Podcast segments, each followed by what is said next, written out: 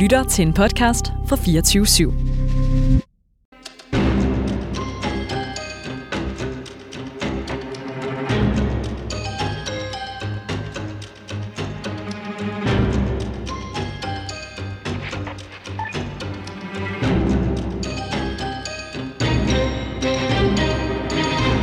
Den her gang, der har du rullet det helt store apparat ud. Jeg ved, du har fire spor liggende med lydoptagelser. Seks. Seks. Seks spor liggende med lydoptagelser oven i hinanden, og du har printet en masse ud. Lad os forestille, at vores lyttere er et æsel, Et æsel. og de skal igennem den her rejse nu. Hvad er guldrøden ude i enden? Nej, men altså, jeg, jeg synes jo, at når vi har gennemgået det der i dag, så skal det gerne stå klart, at forestillingen om, at politiet er udulige og lammede, og ikke ved, hvad de gør, den kan ikke passe. Der må være noget andet på spil. Der er et usynligt magtcenter i den her fortælling. Du lytter til det hemmeligste af det hemmelige. Et program om den kolde krigs hemmeligheder. Mit navn er Anders Christiansen, og med i studiet er dokumentarist Christian Kirk Muff. det, der er svært ved det, det er, at det er ikke bare lige at fortælle en historie nu. Vi er jo nede, hvor, hvor der er så mange detaljer, og der er så mange moving parts, der er så mange bevægelige elementer øh, øh, i spil, og der er så mange vidneudsagn i spil. Fordi at i tiden, i årene efter mordet, der blev der lavet det, der hedder øh, juristkommissionen, mm. og der blev lavet det, der bliver kaldt parlamentarikerkommissionen. Øh, og og de kiggede på, om staten havde fungeret rigtigt den aften, og forsøgte at klarlægge forløbet øh, i statens reaktion. Det stod hurtigt klart, at politiets reaktion ikke havde været så ønskværdig. Mm. Og det var mere et, et forsøg på sådan at prøve at hitte rede i det og finde ud af, hvor slemt var det, og, og, og hvilke dele af staten havde ikke fungeret, og hvorfor. Øh, øh, og og det blev gjort, og det er vigtigt at indlede med, at man forstår det. Det blev gjort med en meget mild, ikke konfliktsøgende form. Jeg vil citere fra de her rapporter undervejs, og øh, det, der er kendetegnet ved dem, det er, at de i udstrakt grad redigerer i sandheden, og bruger et sprog, der hele tiden demonterer paradoxer og modsigelsesforhold i deres øh, vidner, hos deres vidner. Og de skriver det selv. De skriver, at de har ikke været ude på at afdække, om nogen lyver, eller om øh, hvad der er sandt. De har, taget, de har i god tro hørt på alt det, der er blevet sagt. Og så har de taget det for gode varer. Mm. Og så har de forsøgt at sige, jamen så må sandheden være et sted derimellem, mm. hvis det er modstridende. Hvad er, det, vi, hvad er det, vi går i gang med nu? Hvorfor skal vi sådan besøge det her igen? Jamen, det er jo fordi, vi er i gang med at prøve at sige, kan vi se konturerne af en øvelse, der foregår den aften, Palme bliver dræbt? Kan vi i den opførsel, der er i den del af staten, hvor opførselen er offentliggjort, altså det, som er dokumenteret gennem øh, de bånd, der kører inde hos der når man ringer, det var der svarer til 112 i dag mm. i Danmark, der kører der et bånd den aften, der registrerer, hvad der foregår. Og øh, der skal det jo lige gøres helt klart, så man er helt med på det. Der burde også have kørt et bånd hos politiet den aften, så al politiets radiokommunikation var blevet optaget. Det findes ikke. Mm. Der burde have kørt hos SAPO også. Det findes ikke. Mm. Så øh, politiet har ingen dokumentation for det, de siger, der er hent. Øh, andet end hvad der så er en masse af deres politimænd, der er blevet afhørt omkring forløbet. Mm. Og det er sammenstykningen af de ting, som vi skal prøve at kigge ind i. Og så skal vi prøve at se på, mm, hvad er det, hvad kan vi tro om, hvad der er foregået her? Og hvad kan vi tro om, hvad, hvordan kan vi forklare det, der foregår? Fordi det, det,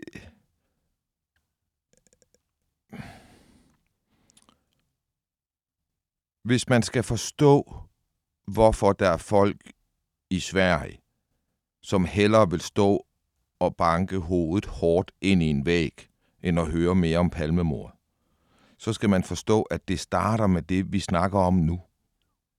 Det starter med, at ingenting giver mening. Og hvorfor det ikke gør det, og hvordan det ikke gør det, det skal det handle om i dag. Og måden, vi gør det på, det er, at vi læner os op af det, der hedder LAC-båndet. Ja. Og så prøver vi at følge den første time, time halvanden, hvad der sker hos de folk, som har ansvaret. LAC-båndet, det er alarmcentralens. Ja. Øh, Det er dem, man ringer til, og så stiller de videre til ambulancen, til brandvæsenet, til politiet, alt efter, hvad du har behov for. Ja. Så det, og de er jo en civil myndighed, og de, deres bånd kører. Min pointe med at sige det før, det er, alt det politiet burde have kørende, som skulle dokumentere, hvordan de handler og agerer any given night, en hver aften, det kører ikke den her aften. På samme måde som at dokumentationen, den liste, der dokumenterer, om nogen har været inde og pille inde i computersystemerne og ændre og rette deri, den liste findes heller ikke. Den, det, det, der svarer til computerens båndoptager, mm. den kører heller ikke. Så alt politiet har, der kunne dokumentere, hvordan de agerer, det er bortkommet den her aften. Båndoptageren hed Assman 2000. Så lad os endnu Og den en hed gang Assman gå 2000. tilbage.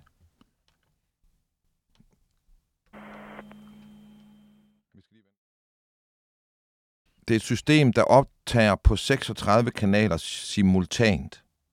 Og det vil sige, at der kan være 36 samtaler eller øh, øh, andet kommunikation i gang simultant, som bliver lagt ned på det her bånd.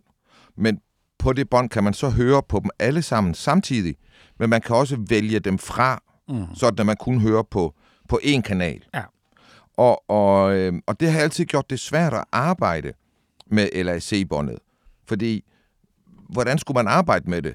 Fordi det er enormt svært at hitte rede i det, hvis man lægger alting oven i hinanden. Mm. Men hvis man har dem adskilt, så kan man ikke forstå, når ting kører samtidigt. nej, hvornår sker noget i forhold til hinanden? Ja, Ja, og, og, og, øh, og, og det vi igen har fået hjælp fra Sverige, og, og igen tak Simon, øh, det er, at Simon fandt ud af, at alle afspilningerne af LAC-båndet, de kørte 8% for hurtigt. Og det er fordi, at når man nu afspiller de der gamle, helt unikke bånd på, på andet udstyr, så opstår der alle mulige små fejl mm. i afspilningen, blandt andet i hastigheden. Ja. Og, og alt det er rettet. Og så har han adskilt kanalerne igen, men kun taget dem med, der er de relevante. Så, så jeg sidder med, med seks kanaler, som jeg kan tænde og slukke for. Mm. Øh, og en af kanalerne, det er bare frøken Ur. Altså frøken Klokken. Ja. Der bare siger 23, 21, 30. Sådan til der hele tiden er et klart tidsstempel. Ja, og, og det dut, der kommer, det er det, der markerer, det er hver tiende sekund, og duttet tager præcis et sekund. Og det er det, Simon har brugt til at kalibrere det her med. Mm.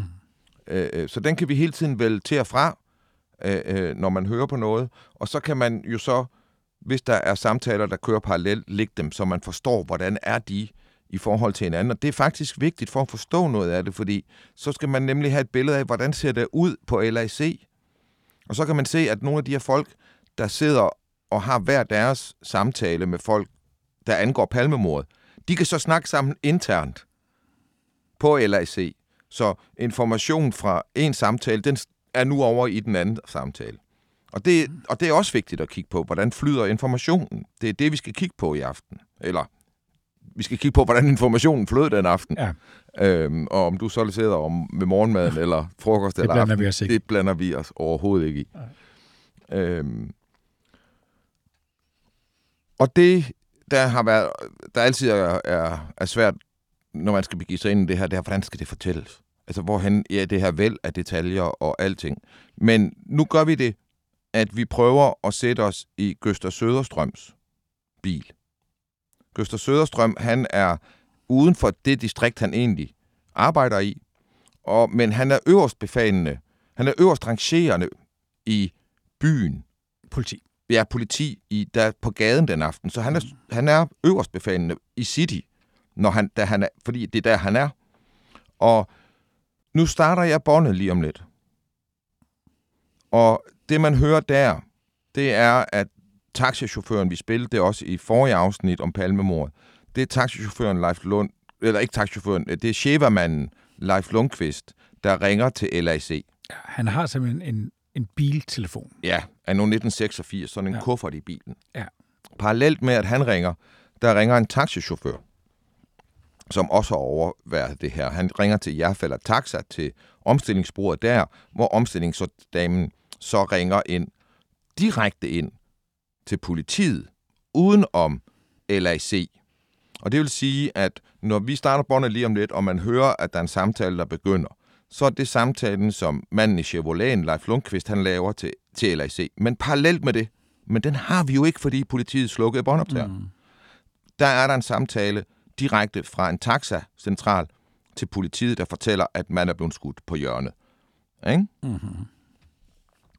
Så øh, lad os sige, at Palme bliver skudt nu, og nu bliver der skudt igen. En morder er begyndt at løbe.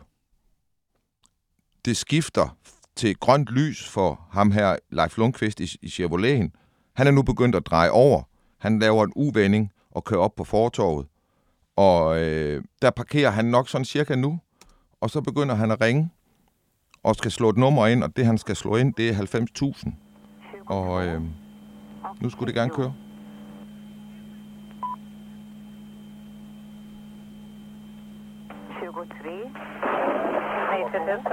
Ja, det är mord på Sveavägen. Prata med polisen. Mord på Sveavägen.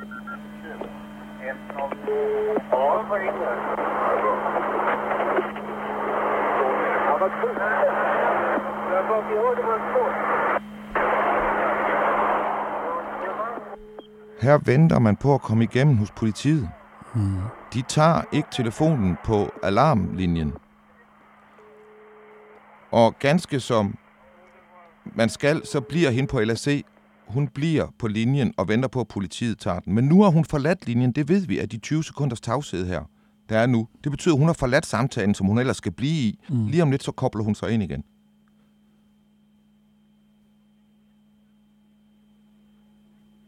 Vi ved ikke, hvad hun har lavet i de her 20 sekunder. Og, og frøken Ure starter med at sige 23, 22, 10. Ja. Og han venter stadigvæk på at komme igennem til politiet. Og det her, det burde kun tage 5-10 sekunder normalt, så tager politiet den. Og det her, det er folk, der taler på gerningsstedet. Et minut efter Palme er dræbt. Og der, der tog politiet telefonen. Men der lagde Leif Lundqvist også på. Så der eller, hørt, eller gjorde han? Det ved man ikke. Det er der ingen, der har undersøgt. Til de teknikere, amatørteknikere, der har kigget på det, de siger, som man kan høre det der, så kan du lyde som om, at Leif Lundqvist ikke kan høre politiet. Og det kan være tale om, at det er lavet på en måde, så han ikke kan høre dem. Og det er derfor, han ligger på. Og det er aldrig blevet efterforsket. Og han snakker med nogle af dem, der står der, og spørger, er der et signalement på den her mand? Så nu er det jo sådan, at hende her inde ved jeg falder taxa. Hun har talt med Ulf Lin. Det var meget ham, det handlede om sidst. Mm-hmm. Og den samtale, som vi jo så ikke har, fordi politiet, og jeg gentager det igen, ikke havde deres båndoptager kørende, den er lidt mærkelig. Fordi normalt så vil hun jo ringe, og så vil hun sige, at der er et skyderi her. Og så vil det straks føre til fuld alarm, fordi at politiet vil tage en henvendelse fra taxa, lige så god som hvis det kom fra en betjent. Men Ulfelin har givet hende et indtryk af, at, at han skal lige have bekræftet nogle ting, og du ved, det er ikke sådan, at han agerer, som hun er vant til. Og hun får i hvert fald også den tanke, at han måske ikke bestiller en taxa, hvilket ellers er det, han skal og bør gøre. Hun bør ikke gøre mere for taxa. Hun bør mm. bare kunne tænke, nu har jeg gjort, hvad jeg skal. Selvfølgelig bestiller politiet som det første en, taxa, eller en, en, taxa, en ambulance, når mm. de ved, at der er et skyderi og et offer. Men hun ringer alligevel ind til LAC. Og det lyder sådan her. Og det, det er simpelthen, det sker nærmest i det sekund, at samtalen mellem Leif Lundqvist og politiet afbrydes. Mm, hej, det var Järfälla Taxi. Hej. Eh, Tunnelgatan vid Sveavägen. Ja. Det är en kille som har blivit skjuten. Och antagligen kommer han behöva en ambulans. Jag har ringt polisen, men jag vet inte om de har ringt er. Nej, Tunnelgatan Sveavägen sa du? Vid Sveavägen. Mm. Eh, Det hände alldeles nyss. Skjuten sa du? Ja, polisen är på väg dit också. Det är då. Var, du, vilk, är det någon taxi från er där på platsen? 2517 heter han som står kvar där tills polisen kommer. Järfälla Taxi 2517. Så nu sætter Då, då LAC besked til ambulancebordet, om jeg så må sige, Mm. om at de skal bestille en Ambulance. ambulance, Ja. som kommer fra det sygehus, der hedder Sabbatsberg. Mm. Der er så bare det mærkelige, at ligesom Gøster Søderstrøm, han i minuttet efter mordet nærmest får et præg fra en civil om, at der er en mand, der er blevet skudt på hjørnet af Tunnelgarten af Sværvæggen. På samme måde er der nogen, der præger en ambulance, som tilfældigvis er i nærheden. Mm. Og så kommer den før ambulancen fra Sabbatsberg, som ellers bliver bestilt nu her. Yes. Men, men, men øh, det vil sige, det er omkring det her tidspunkt også nu. Og vi er, øh, vi er sådan noget som... Oh, sm- Vi er to minutter max efter mordet. Det er her, at Gøster Søderstrøm får at vide, at der er noget at køre efter. Han er på øh, øh, Kungsgatan, tror jeg. Og, og, øh, og han begynder nu at køre hen mod regeringsgatan. Mm-hmm. Eller hen mod øh, øh, Tunnelgatan, øh, Sværvæggen. Men lad os lige høre, hvad der mere sker på radioen. Kommer vi på en gång då? Med ambulans. Mm, hej. Jag menar. Någon är skjuten på Tunnelgatan, Sveavägen. Polisen ringer, ja. Järfälla Taxi väntar där. I Stockholm alltså? Ja, det är växeln som ringer. Ja, tack. Tack. Det vi hører her. Mm. Vi tager den lige igen. Det er, at en mand fra LAC ringer til politiet Mm. ved SBC og siger, at en mand er skudt. Men det har de fået at vide godt og vel to minutter før. Men Claus Bystedt, som tager telefonen inde ved politiets alarmcentral, han lader ikke til at vide det. Vi tager den lige igen. Jag menar. Någon är skjuten på Tunnelgatan, Sveavägen. Polisen ringer, ja. Järfälla Taxi väntar där. I Stockholm alltså? Ja, det är växeln som ringer. Ja, tack. Tack. Det her, det er 23, 24, 30. Ja. Så skal vi sige tre minutter efter Mordet. mordet. Mm. Ikke? Og taxaen ringer umiddelbart til Jarfælder Taxa, der umiddelbart ringer til Ulf Elin. Mm. Men Claus Bystedt, han ved ikke noget om det.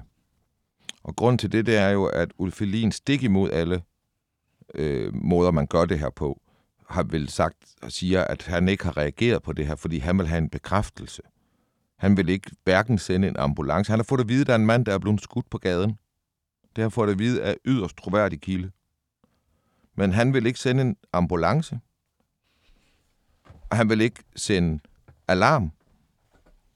Han laver en stilfærdig, almindelig op- områdes øh, øh, anråb og siger, hvis der er nogle vogne, vil I så lige gå hen og tjekke, om der er sket noget herhen. Det er stik imod alle forskrifter.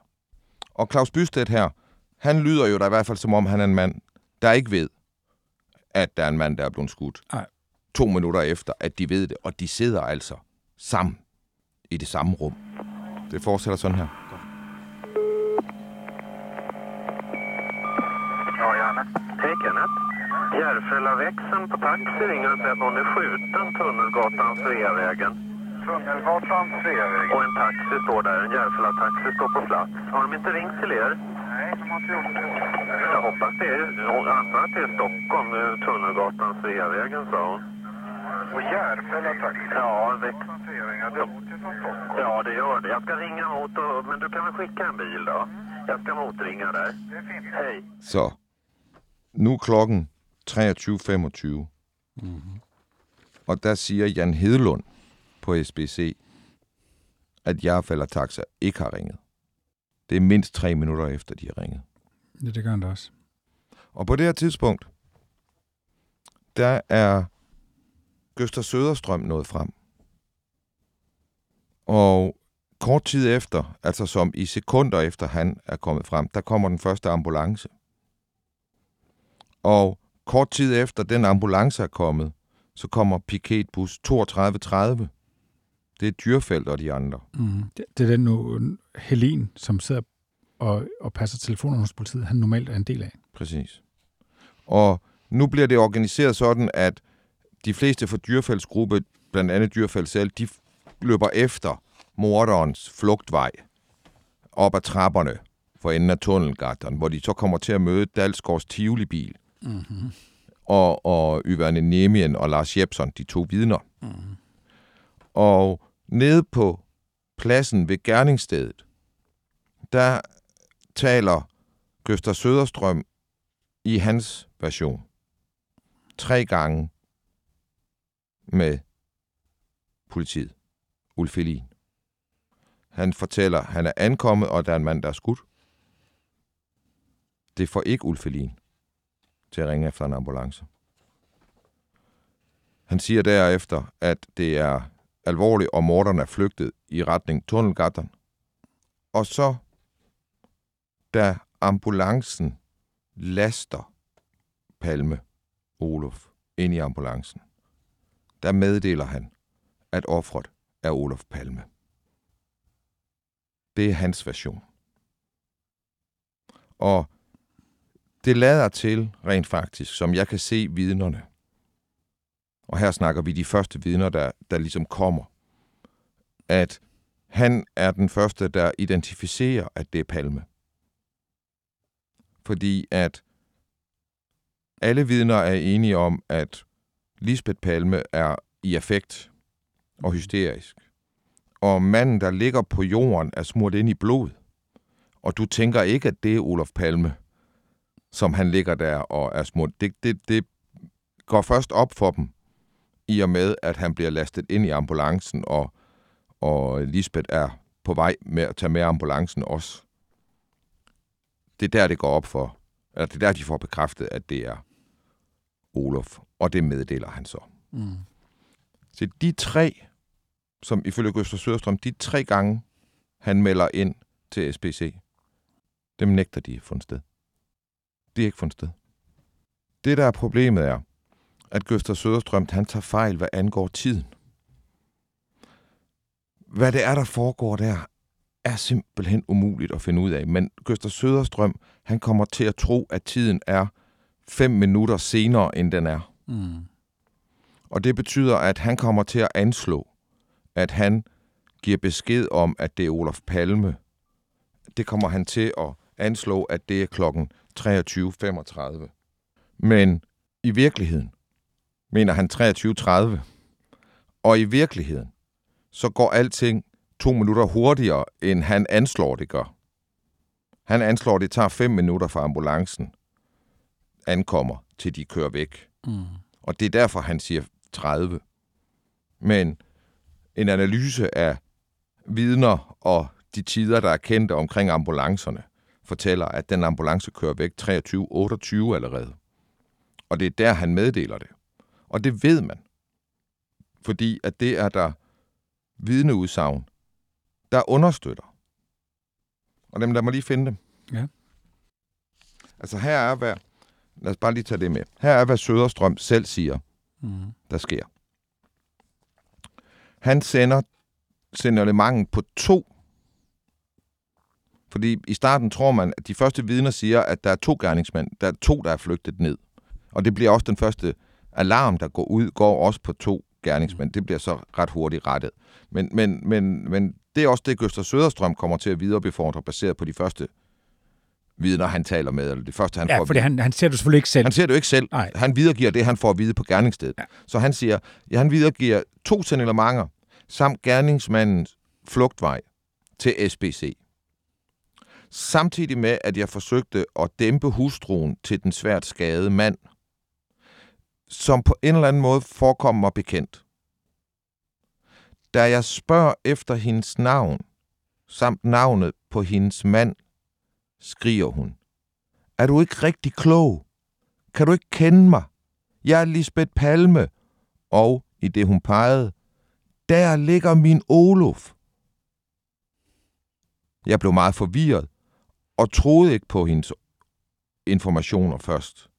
Men efter at have grænsket Øh, skudoffret, kunne jeg genkende statsministeren, på trods af, at hans hoved var, gennem, var blodigt, og øjnene stigende og blodsprængte, og overkroppens klæder gennemblødte. I det sekund ankom ambulancen. Så det er faktisk så tidligt. Og der er konsensus, at han først bliver klar over det, da de er ved at køre palme, altså ved at laste palme ind i ambulancen. Men her står der jo, at han, Ja, han ved det inden. ja, han ved det, inden ambulancen overhovedet ankommer. Mm. Pointen ved det, det er, sådan, det er ikke vigtigt for min pointe. Men det er bare, så, det er bare for, det giver også det, lytterne lige et indtryk af, wow, der er bare så meget hele tiden, og så flytter ting sig. Men, men, men lige her betyder det så faktisk ikke lige så meget for det her, fordi det, der er det afgørende, det er, tror man på, at Gøster Søderstrøm har lavet de her kontakter? Altså ringe ind til politiet. Ja. Ja, der kan man sige, der er jo to forskellige historier. Han siger, at han har gjort det, og dem, der sidder inde på centralen, politicentralen, de siger, at han ikke har gjort det. Altså, det, nej, ja, og primært Ulfelin. Det er Ulfelin, der kører den her hårdest mod Gøster Søderstrøm. Det er imellem de to, at konflikten virkelig er. Okay.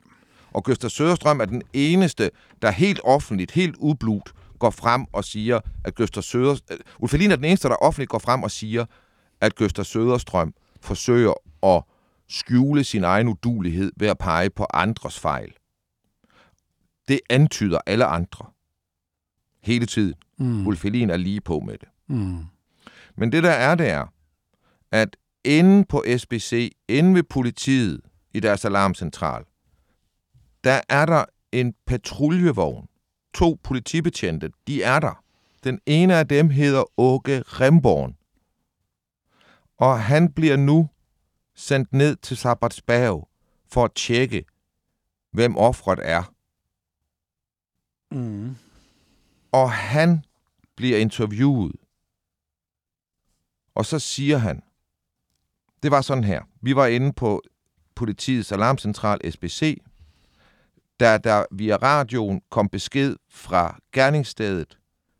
Først, at det var statsministeren, og siden i samme besked, nu laster de, og så sender de til sygehuset. Når vi fik det besked, så tog vi afsted til sygehuset. Så det er Åke Remborn, som tilfældigvis er forbi på SBC, og han får beskeden om at køre til Sabbatsberg. Han bliver for øvrigt senere, ligesom Skøster Søderstrøm, en af dem, der bliver kritisk over, hvad der egentlig er foregået. Og han er vel også en af de første, der afhører Lisbeth Palme. Han er den første, der han tager ned nu, og så bliver han den første, der af, øh, af og der, han kommer jo også til at høre de to gerningsmænd. At Lisbeth Palme siger, at der var to gange. Ja, og det, og, og det er måske også derfor, at Gøster Søderstrøm kommer til at sige det. Det er, fordi det er Lisbeth, der siger det. Mm. Men ikke nok med Remborn. Torstensson, som er sammen med Remborn, han siger sådan her.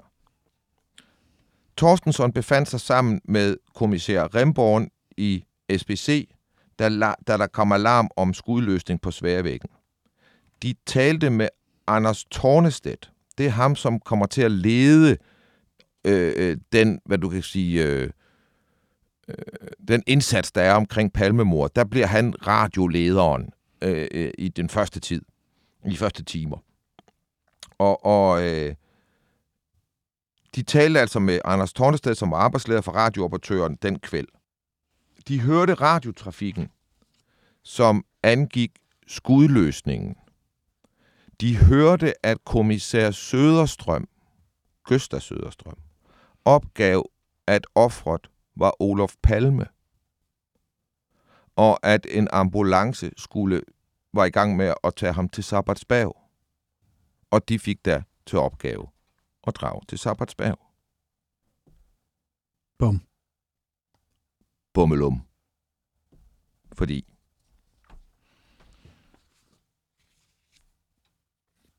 det vil sige, nu ser vi bort fra, hvad Helin siger. Nu ser vi bort fra, hvad Hans Holmer og alle de drenge, som vi godt kan have mistet tilliden til, de siger. Mm. Og så siger vi, her er tre betjente, som tilfældigvis bliver enrolleret i det her, Mm. Som alle sammen siger det samme.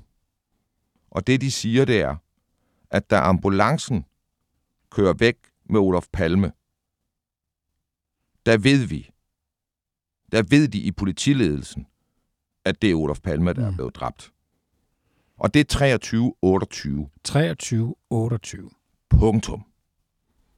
Godt. Så lad os spille videre, fordi nu kan man sige, fra 23-28, der ved de så, at det er Olof Palme. Foretager de så noget så? Ja. Hvad gør de? Det fortæller du mig. I forhold til, at det her foregår fire minutter efter, at SBC har fået det her alarm om, at der er skudt en mand her. Og det foregår jo altså i samme rum som manden, der nu ringer og siger, han ikke, som ikke rigtig ved det nu. Mm. Han ringer fra. Så er der bare et eller andet, der er mærkeligt. Prøv lige, altså, lad os lige prøve lige at høre på det. Ja. Fordi ham, der ringer nu ind fra politiet, det er jo dem, der ved det. Jeg eller Taxa har ringet til Ulf Helin fire minutter tidligere end det, vi hører nu. Ja, Så Ulf Helin har vidst det i fire minutter. Ja, og de har sendt et områdesanråb ud. Der er politi på stedet. Mor, morjagten er begyndt, ifølge den officielle version af alting, på det her tidspunkt. Ja, det är klart. Ja, tjena. Hörru du, ni ringde nyss om Tunnelgatan. Ja. Du kan eh, dämpa ner honom så ska du ringa hjälp eller taxi för jag har fått in er alldeles nyss. Det är ingen som är skjuten. Jo, det sägs att det är en som är skjuten. Mm. Men eh, jag ska, du, vi kan ligga kvar här får vi. Ja, jag lyssnar. Ni har inte fått in det? Jo, vi är på väg. Ni är på väg? Mm. Ja, då så. Perfekt. Så vi kör då. Ja, bra. Det är fint. Hej. Så de ved det ikke helt. Altså, både LAC og politiet på SBC, de er i tvivl her. Mm. Er der en, der er skudt, eller er der ikke? På trods af, at der holder en politibus og en politibil, og ambulancen er ankommet. Det er, meget, det, det er virkelig, virkelig, virkelig, virkelig mær- mærkeligt. Nu kommer der noget omkring ambulancerne Ja. og deres kommunikation. Nu kommer vi ombord på ambulancen, der er på vej med Palme. Adam, ettan. Vem var det? Ingen kontakt.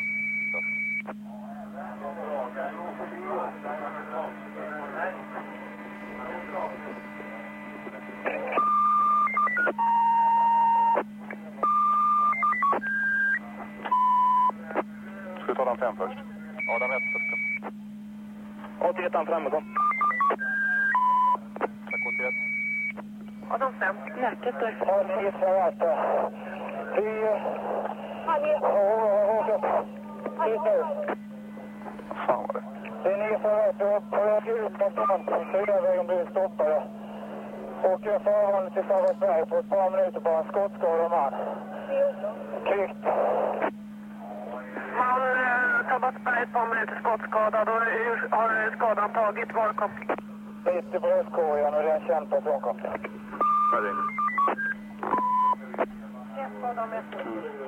Det her, det er en øh, ambulancefører, der ringer ind, mens han kører med Palme i ambulancen. Og øh, siger, mand, Sabbatsberg, det, det kan vi ikke helt høre ud af det, der bliver sagt på den Nej. måde, båndet er optaget på. Og men så siger hende, der sidder inde og tager imod det inde på LAC, hun siger, mand, de, de kommer til Sabbatsberg om et par minutter, han er skudskadet, og hvor, der, og hvor han så skadet hende, spørger mm. hun, hvor? Og så svarer ambulancechaufføren, midt i brystet, og det er en kendt person. Og så siger LAC, det er opfattet. Altså, det her ser man bort fra i de officielle undersøgelser. Fordi Gustav Søderstrøms historie om 23-28 må ikke passe. Hvorfor ikke? Det kommer vi til.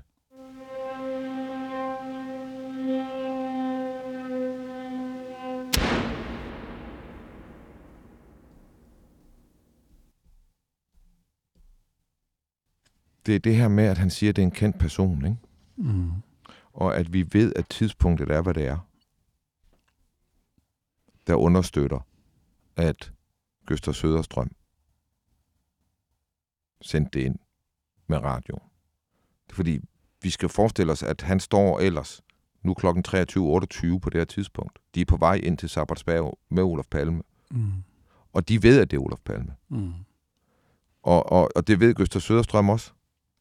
Mm. Og selvfølgelig siger han det i radio. At han ikke skulle gøre andet, er jo fuldstændig altså, umuligt at forestille sig. Men det er det, man siger.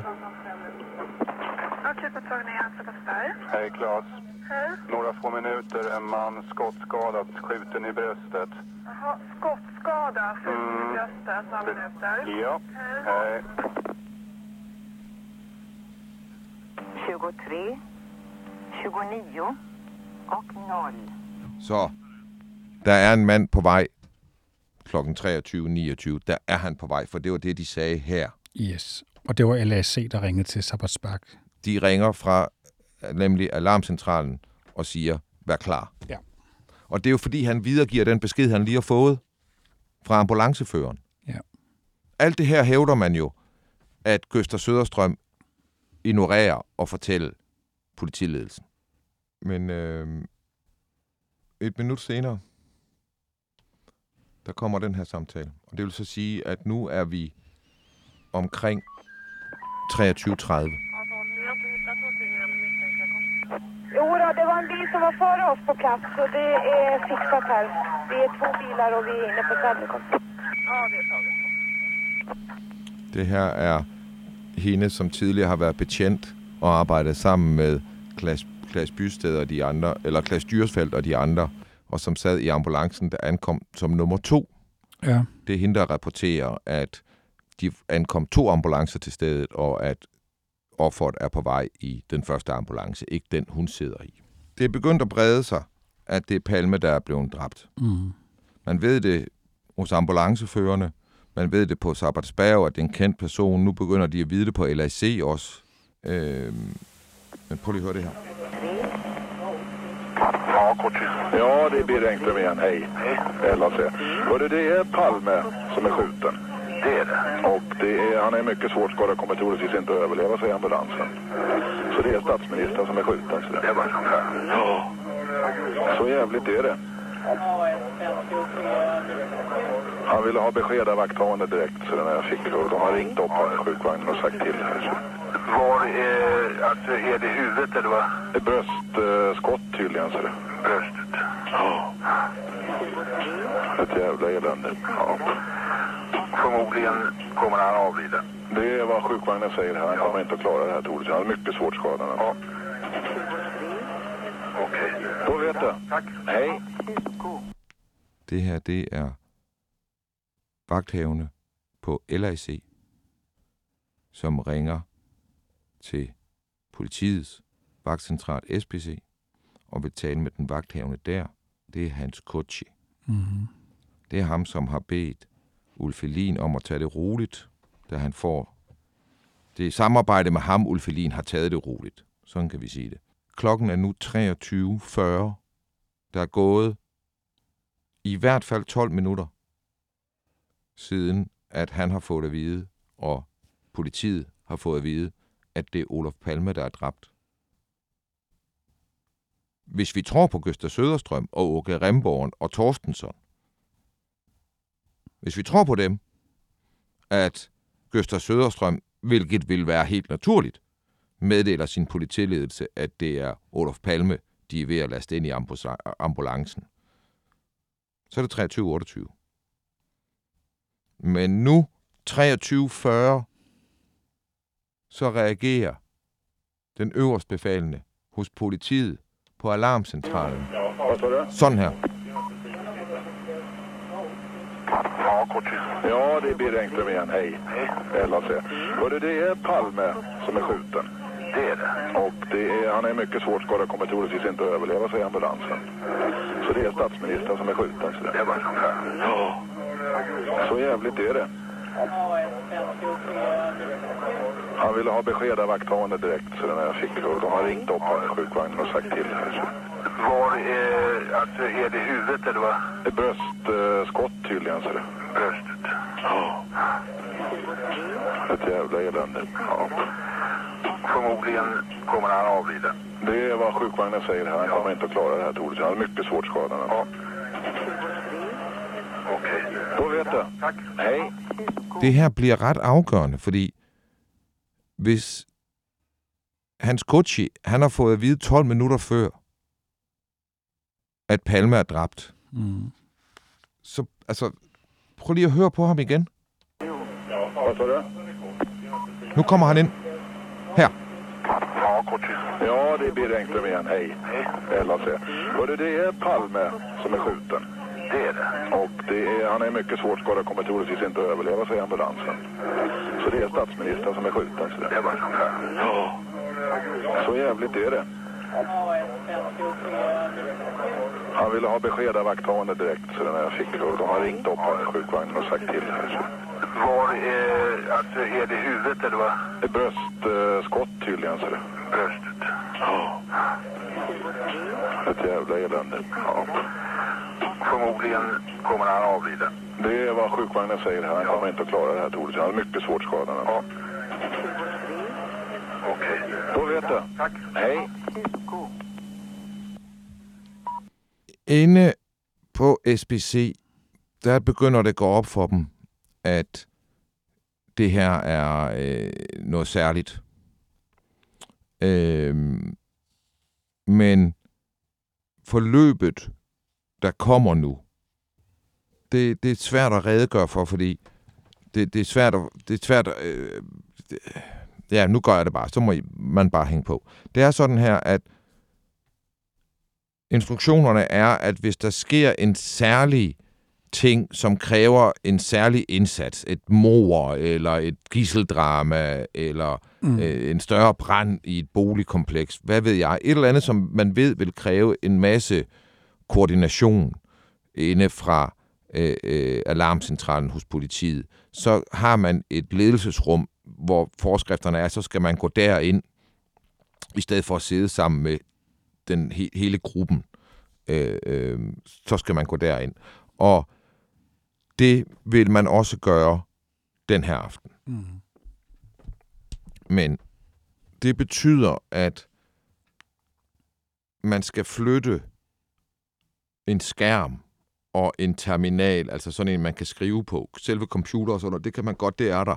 Men, men der er kun en, der kan... Der skal altid være en på arbejde, der kan sætte det der til. Mm. Og øh, øh, der er to. Den ene er Kochi, den anden er en anden, som jeg mener hedder Søderqvist. Og øh, øh, Søderqvist kan ikke få det gjort. Han, han siger, at udstyret er i stykker. Hans Kochi siger, at han kan ikke hjælpe med det, fordi at fra det øjeblik, altså vi, ja, det vi lige har hørt nu, det er jo ikke en mand, der virker oprevet, eller mm. øh, som om han har travlt. Han virker lidt som om, han har siddet og spillet kort med ham fra militæret, der om lidt falder i søvn, og så får at vide af en fra ambassaden i Washington, at statsministeren er skudt. Ja. Altså det virker lidt søvnigt. Ja. Ikke? 12 minutter efter, han har fået det videre, at Olof Palme er blevet dræbt. Mm. Og det er en søvnighed, der fortsætter. Fordi at det, der sker for ham nu, og, og, og, og tro mig nu, i det kommende, det jeg fortæller nu, så overdriver jeg ikke. Og jeg er ikke satirisk. Og jeg forsøger ikke at være sjov. Men han kan ikke hjælpe med at sætte computeren op inde i ledelsesrummet. Det skal tage to minutter. Det kan han ikke, fordi han snakker så meget i telefonen nu. Så det kan han ikke. Så bliver han sporet af de her kommissioner, mm. som siger, du har det øverste ansvar. Du skal lede og fordele og styre indsatsen sådan en aften. Hvordan kan du gøre det, når du skal tale i telefon hele tiden? Mm. Og så siger han, ja, øh, øh, men det, var, altså, det er jo fordi folk kan deres arbejde. Men hvordan kan du overse og tjekke, om de kan deres arbejde, hvis du hele tiden taler i telefon? Ja, det er ikke så heldigt heller, men, men sådan kan det gå nogle gange. Jamen overvejede du nogensinde så at kalde ekstra folk ind? Jamen det har jeg ikke tid til. Hvorfor ikke? Men fordi jeg talte i telefonen hele tiden. Mm. Så man ringer klokken 12 ved midnat efter ham, der er teknikeren, der har ansvaret for det her. Eller det gør man ikke. Man ringer til en anden. Man kommer til en og til at hævde, at det er ham her, der er den cheftekniker. Det er han ikke. Ham her, han er bare en, der man mener kan. Mm. Han kommer ind 20 minutter over 12 og konstaterer efter to minutter, at der ikke er noget i vejen, og 23 minutter over 12, så kører systemet. I mellemtiden, der har Det er så en time efter. en time efter. Mm. I mellemtiden, der har Tornestedt og Birgitta Brolund, som er de to, der ligesom skal håndtere det her som radiooperatør. Hun skal gøre det ved at tage, være protokolfører og altså skrive ned, hvad der foregår. Det fejler hun så meget, man kan i. Når hun skal starte den protokol, så ligger der ved siden af hendes arbejdsplads en mappe. Når man åbner den, så den første protokol, den angår det, hun nu skal i gang med. Mor. Mor. Skyderi. Der bladrer hun videre til den sidste blanket, som angår diverse. Og så tager hun den. Og så begynder hun at notere på den. Og det er lidt trælst, fordi at grund til, at der er blanketter til forskellige situationer, det er fordi, der står protokollen for, hvordan man skal opføre sig under sådanne situationer. Mm. Og det gør de jo ikke. Altså som i ingen af de forskrifter bliver overholdt. Men hende og Ole Tornekvist, øh, hende og Anders Tornekvist, i den tid, man venter på, at computeren skal komme op og køre, der sidder de inde i telex-rummet, afsondret for de andre. Og nu kommer der, igen, jeg kan bare sige, at jeg tager ikke pis, jeg gør ikke noget, det, det er sådan her, det er. Det rum, de sidder i, og sådan bliver det ved nu hele natten. Også nu her 23 minutter over 12, når, når det, der hedder ledningsrummet, det kommer op og kører. Men, men fra lidt i midnat og resten af natten, der er... der er ordren til omstillingsbordet hos politiet, at al presse, der ringer, skal stilles igennem til ledningsrummet, til ledelsesrummet. Og det er jo ude i USA nu, Mm. på tv. Så de bliver ringet, altså de ringer fra hele verden. Og det betyder, at der er ikke nogen, der kan ringe. Ingen politifolk kan komme igennem med ledelsesrummet. Og ledelsesrummet kan ikke komme igennem til nogen, fordi de snakker kun i telefon hele tiden. Med journalister. Med journalister. Samtidig er det sådan, at inde ved politiet herinde, ved Hans Kutschi, der har ingen taget nogen initiativer til at, for det første ambulancen, og senere at lave, de har ingen alarmer lavet. Historien er den officielle forklaring på, hvorfor de ikke laver nogen alarmer overhovedet. Den er, at de var lammet af det forfærdelige situationen, og de havde så travlt og, og, og gik i panik. Igen. Skal jeg spille Kutchi igen? Ej, jeg tror, vi har hørt ham. Ja. Men altså, ellers så spole lige tilbage igen, og så forstå, det skulle være en mand, der er handlingslammet og i panik, og derfor intet kan foretage sig. Han lyder som om, han er på stesolid. Jeg har også i Danmark hørt folk forklare for mig, jamen sådan noget sker. Folk bliver lammet, når der sker forfærdelige ting og alt sådan noget. De eneste, der bliver lammet, det er politiet. Og det er faktisk sådan, at det er ikke hele politiet. Det er inde ved alarmcentralen, Mm. og det er inde ved SEPO. Det er de to steder, hvor der er black hole, hvor vi ikke ved noget, hvor ingenting bliver registreret, og hvor angiveligt nærmest intet foregår. Kriminalpolitiet, de har også en alarmcentral, Mm. og de går bare i gang. Og en hos Kriminalpolitiets alarmcentral, han får den idé, at det signalement, der trods alt er, som kommer ret tidligt, det kunne man jo sende ud til taxa og busser i Stockholm. Det ryger ud til dem. Altså, de foreslår politiet at gøre det. De ringer ind til politiet og coacher de her folk og kommer mm. igennem og foreslår dem at gøre det. Men de oplever, at det er så lavet, det der foregår der, så de ender med, at de selv gør det. Så kriminalpolitiets vagthavende den aften tager initiativ til, at man tager fat i alle taxaer og tager fat i alle busser, der kører. Mm. Og det betyder, at det signalement, der ligger kl. 10 over 12, det er hos alle taxaer, og det er i alle busser. Det er hos en sjettedel af Stockholms betjente. Det er kun i ét distrikt på det her tidspunkt. Det vil sige, alle busser, der kører rundt i Stockholm, alle taxaer, der kører rundt i Stockholm, de har signalement og viden om, at statsministeren er blevet dræbt 10 over 12. Det ved de kun i et politidistrikt. Og det bliver ud på morgen lørdag, inden resten af politiet ved det.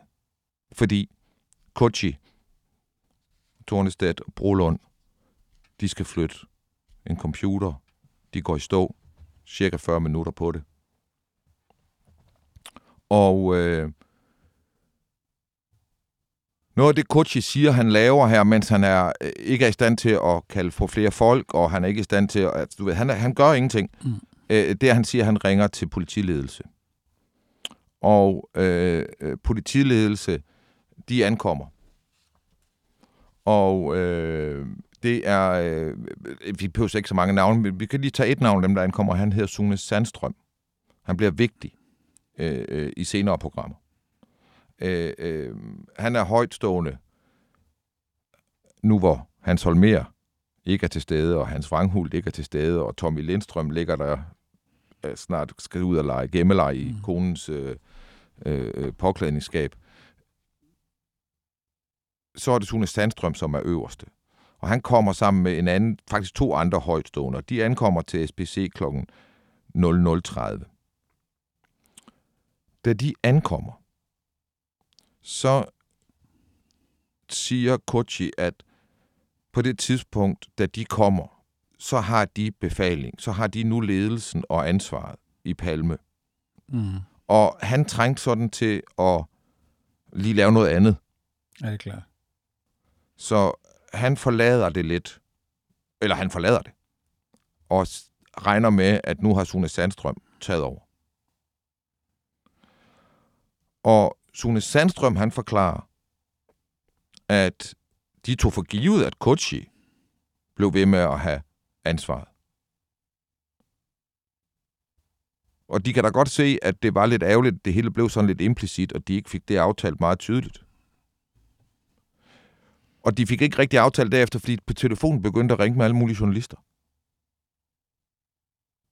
Og det skulle ledelsen jo forholde sig til. Anders Tornestedt, som har haft sagen fra starten, sammen med Birgitta Brolund, han er jo flyttet med op og sidder deroppe i det rum, der nu har fungeret siden, 3, siden 24-23 eller sådan noget, mm. hvor det mm. begynder at fungere. Da klokken den bliver et, så flytter han sig. Han vil gerne have en fornemmelse af, hvad der ellers foregår i Stockholm den her aften, forklarer han. Jeg, igen, jeg kan bare sige, jeg lyver ikke. Mm. Jeg, skal vi finde citaterne? Nej, jeg tror det. Altså, Øh, øh, øh, jeg lyver ikke. Han vil gerne have et bedre overblik over, hvad der foregår i hele byen. Også andre ting. Så han forlader det. Og så bliver ham Søderqvist sat ind som radiooperatør. Han forklarer, at han ved ikke noget om sagen, så han foretager sig ikke noget. Fordi han synes ikke, at, at han kan rigtig foretage sig noget, fordi han ikke rigtig kender sagen, og han får ikke nogen instrukser fra ledelsen hvem den lige ledelsen, han hentyder til, hvem det er, han forstår som er ledelsen, det ved man ikke. Mm.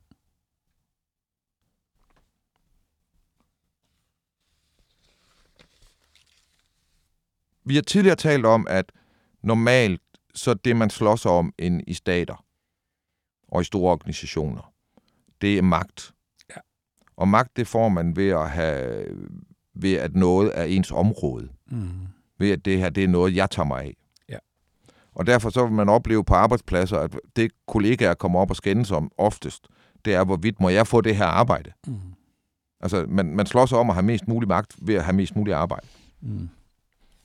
Og, og, og sådan er det også, vi har tidligere talt om, øh, om øh, Normalmtorvsdramaet, hvor øh, noget af det, der forsurede politiets indsats, det var, at alle betjentene var så ivrige efter at gøre mere, end de egentlig skulle gøre. Ja, det er gisseldramaet. Gisseldramaet, ja. Stockholm-syndromet. Alle forsøger at forstå deres rolle som så stor som muligt, når der er laverbær i luften. Når man kan blive stor mand af det. Men det er også interessant at se, når der ligger en lort midt på gulvet, ingen vil have. Fordi så kan alle i sådan et system forstå deres rolle som så lille og ligegyldig. at det næsten er lige meget, om de eksisterer. Og hvis man vil have definitionen på, hvordan statsansatte kan definere deres rolle som så lille som muligt, og deres ansvar som så lille som muligt, så skal man læse redegørelserne for, hvad der foregår inde på SBC på det her tidspunkt.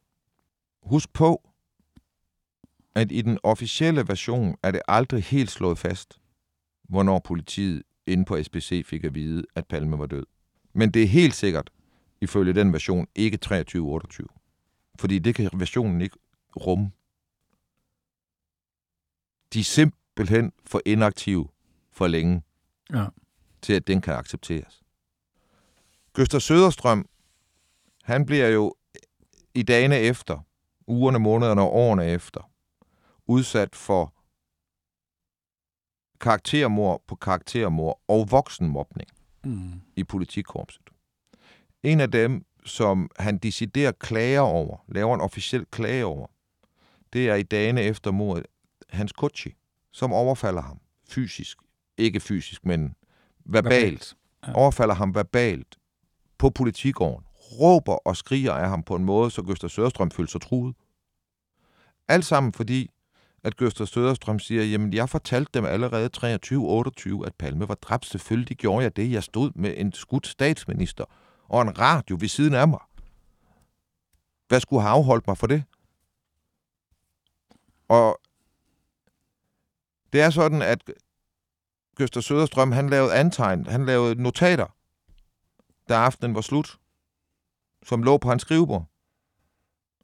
De blev beslaglagt. Han har aldrig fået dem udleveret. De findes ikke mere, Gøster Søderstrøms notater. Du kan ikke bevise, at han har ret ved andet end at tro på ham og de to andre betjente, der ligesom ham tilfældigvis kom ind i den her historie.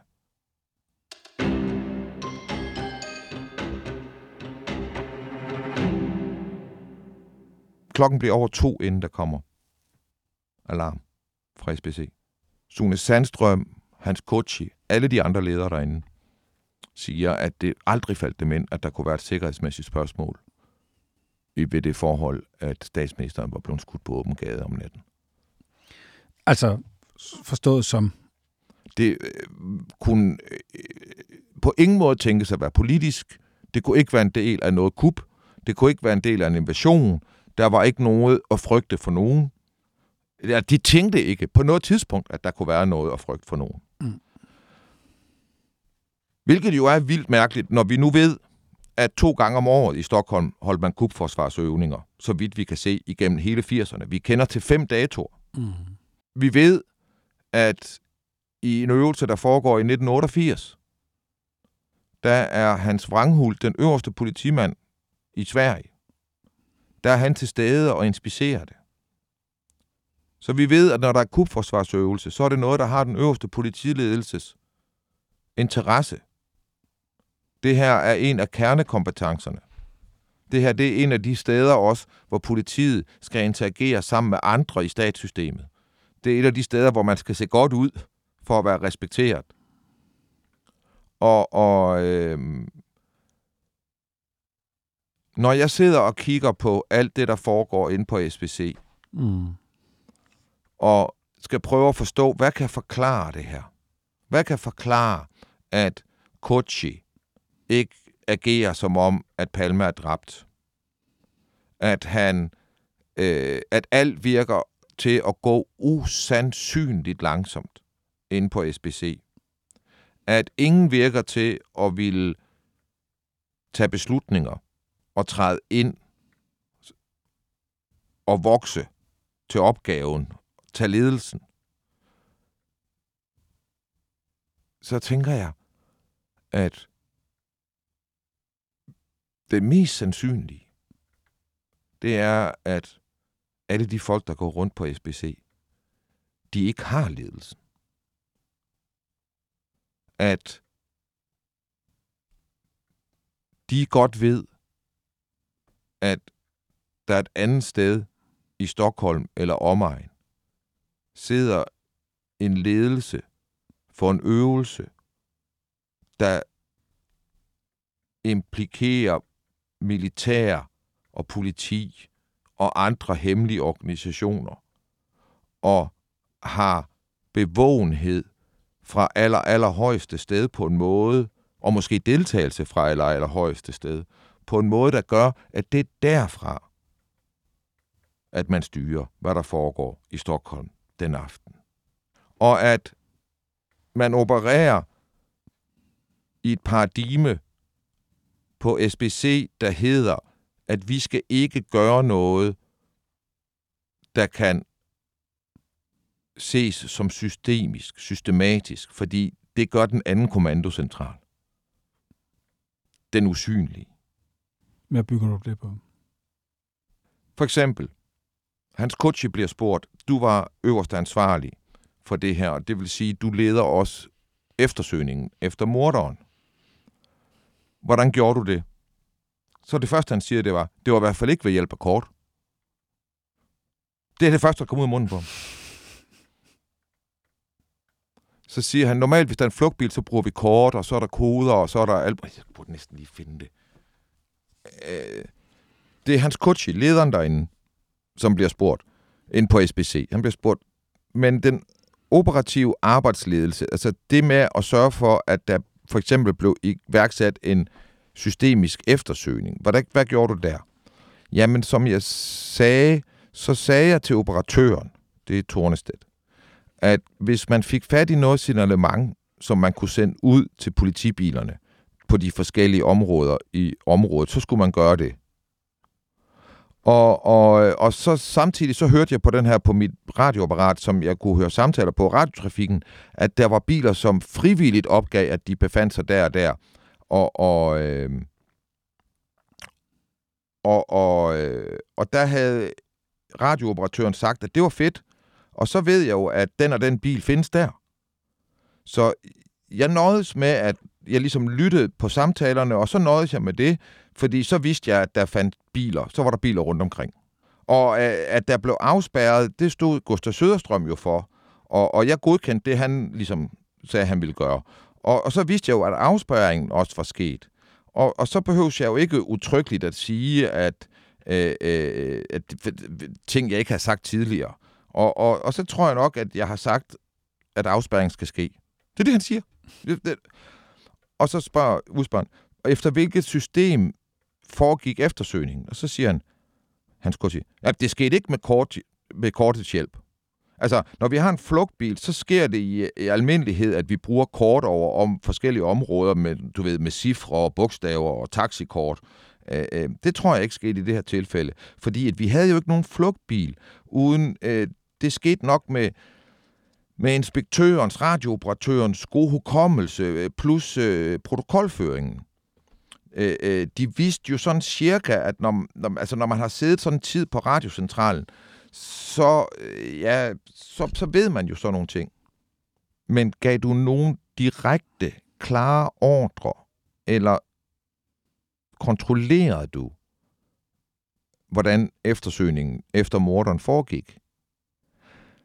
Nej, altså, jeg, jeg, for, ej, jeg foretog ikke den store sådan, direkte kontrol, øh, sådan af, at om der nu fandtes en patrulje her og der. Gav du nogle klare ordre inden? Jamen, jeg vil mindes, at jeg, jeg, jeg gav inden der, at der skulle ske en eftersøgning i området. Det, det synes jeg, jeg sagde. Jeg kan ikke lige huske, hvordan jeg formulerede det. Men uden at angive, hvordan eftersøgningen skulle foretages. Jamen, jeg gav ikke noget direktiv til, hvordan det skulle gøres, uden at der skulle søges i områderne rundt omkring. Altså, det her, det er protokollen. Ja. Prøv at kigge om, kan I se, om der er en mor? Prøv at kigge, kan I kigge lidt, om der er en morder et sted eller et eller andet? Det er den siger. Det er et statsminister. Statsministeren er død. Statsministeren er død. Ja, man har ikke brug for fjender, når man har... Nej. Og den her Kochi, han er vred på Søderstrøm. Og problemet politiet har med Søderstrøm er jo, at han siger, at de lyver omkring alle tiderne. Og alt, hvad de har foretaget sig. Og da han jo er den her samvittighedsfulde, hædersfulde politimand, så laver han notater. da han kommer hjem fra arbejde, eller afslutter sit pas, sin arbejdstur. Og de bliver beslaglagt, og han må ikke få dem. Og de forsvinder. Så de notater, hvor der står, hvor og hvornår Gustav Søderstrøm har gjort hvad, dem beslaglægger politiet. Og så er det gået med de notater, ligesom det er gået med protokollen over alt, hvad der foregik inde i computeren. Med Mhm. båndoptageren, der skulle optage alt, hvad politiet gjorde og sagde. Og med båndoptageren, der skulle optage alt, hvad Tepo gjorde og sagde. Der skete det samme med alle sammen. Bare forsvundet. På samme måde som det bånd, vi har hørt på i dag, forsvandt. Alt det, vi har siddet og hørt på i dag, det var jo et kæmpe mysterium i overvis. Der skete jo det med det her bånd, at politiet var ikke opmærksom på, at det var interessant. LAC's bånd. Men LAC var jo klar over, at det kunne være noget værd. Så de sendte det til politiet. Mm. Der lå det i en måned, uden politiet gjorde noget ved det. Så fik de vist nok lavet en kassettekopi, hvor man kan høre alle samtalerne oven i hinanden. Og så afleverede de det tilbage til LAC. Og så nogle bånd koster 3.000 kroner. Så LAC, nej, rent faktisk, så at politiet havde båndet, så sagde LAC, I skal betale 3.000 kroner for båndet, fordi det koster sådan et særligt bånd her. Og så sagde nej, det, det, det, det vil vi ikke. Jamen, så skal vi have det igen, og så overspiller vi det. Jamen, det må jeg så gøre. Og så gav de det tilbage. Men det findes. Båndet findes jo. Ja. Men der gik 18 måneder. Hvor alle troede, det var væk. Altså rent faktisk, det er et meget godt eksempel på, hvor åndssvagt det er. Fordi det, at det her bånd er væk, det får offentligheden at vide midt i en tv-udsendelse. Det kom frem. Det blev fundet i et kasseskab 18 måneder senere. Og så var det hemmeligt belagt, og så var det så hemmeligt bagefter, og så videre. Der, der er alt muligt med det. Og der har jo været alle mulige mistanker om, at der var øh, manipuleret på båndet. Og der er også mystik omkring detaljer i det her bånd. Øh, øh, men der er ikke nogen, der har kunne dokumentere, at der er fikundik med det. Og man kan sige, at det, der er på båndet, det er pinligt nok for politiet. Så hvis de var, de havde været inde og lave fikundik, så skulle de have lavet det bedre, end det, de har gjort her. Ja. Øhm, men jeg håber at har givet indtrykket af, at politiet inde ved Ulfilin og hans Kochi på alle måder ikke bare fejler, men lader til decideret at modarbejde, at man skal kunne finde ud af, hvad der foregår, og at folk skal kunne skride ind i real time i forhold til, hvad der foregår. Og det lader til, at de bagefter systemisk lyver omkring, hvad det er, der er foregået. Og at de, som de jo gør rigtig mange gange i Palmesagen, kaster sandrulige, hædersfulde medborgere under bussen Mm. for at gennemføre deres løgne. Og jeg skal bare lige sige det med kubforsvarsøvelsen, altså dine tanker om, at der skulle foregå noget andet den aften. Det var heller ikke noget, du trækker ud af røven, den idé. Det er jo det hele det, vores teori bygger på. Det er det her tip, der kommer ind ret tidligt Det er om. det, det hele handler om. det er det, det hele handler om. Det er det eneste, vi skal bevise.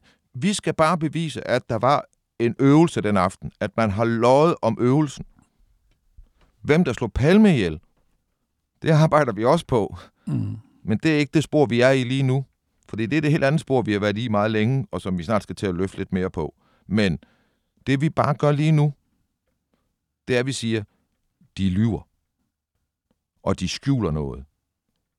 Og det vi forsøger at løfte, det er, at det de skjuler, det er, at der foregår en øvelse, og i ly af den øvelse bliver Palme slået ihjel.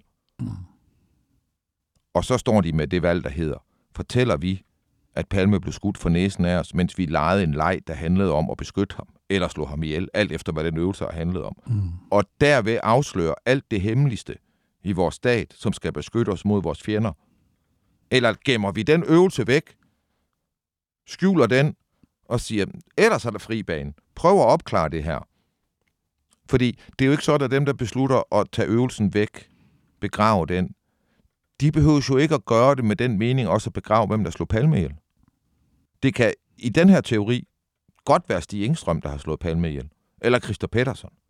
Det forsøger jeg ikke at sige, det ikke kan være. Det mener jeg ikke, det kan. Men det er ikke det, det handler om lige nu. Det, det handler lige nu om at vise, at politiets opførsel og alt, hvad der forløber omkring det her, peger på øvelsen. Ja, det er jo et spørgsmål, jeg godt lige vil stille dig, for det er jo rigtigt nok. Hvis du nu siger, at den her øvelse, det er et tip, der kommer om, der er en øvelse den aften, og det er et tip, der øh, lader til at blive taget meget alvorligt. Så Og det kommer meget tidligt og det kommer rigtig tidligt og forsvinder. og forsvinder.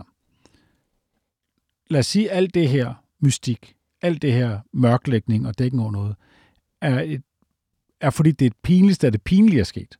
Mm. At mens de alle sammen er på gaden med walkie-talkie og i gang med at overvåge Palme, så er der en eller anden, der kommer ind fra højre. En sur, enlig galning, en, en russisk agent, eller hvad fanden det kan være, og får næser med alle sammen. Mens de er overvågne, skyder Palme og løber væk. Mm. Og det er det, de prøver at dække over. Det, det kan godt være. Det er det, jeg forsøger at sige. Jeg forsøger at vise, at nogen dækker over noget. Hvordan det mor er, og hvem der har begået det, og hvorfor og alt det her, det kommer vi jo også til at arbejde med. Mm. Fordi det, det tro mig, det er vi længere med, end vi troede håb på. Mm. Men det er ikke det, det her lige handler om. Fordi så bliver næste spørgsmål, hvis vi kan fastslå, at øvelsen var der, så kan vi sige, men var det nogen, var det fribyttere inde i øvelsen? Altså nogen, der var med på holdet, der lavede øvelsen. Var det nogen, der kendte til øvelsen, som ikke var en del af øvelsen, men fordi de kendte til den, kunne planlægge og gøre det i ly af øvelsen? Eller var det tilfældigt? Og så kom øvelsen i klemme, og så har vi hele balladen her, fordi der har været så meget tabu Mm. omkring opklaringen, fordi man ikke måtte komme i nærheden af at opklare den her øvelse, som har gjort, at man ikke har kunne opklare den ensomme ganing. Det vigtige er, var der en øvelse eller ej? Hvis vi kan slå fast, at det var der, så bliver næste skridt. Hvem slår ham ihjel? Du har lyttet til det hemmeligste af det hemmelige. Mit navn er Anders Christiansen, og med i studiet var, som sædvanligt, Christian Kirk Muff. Tak fordi du lyttede med.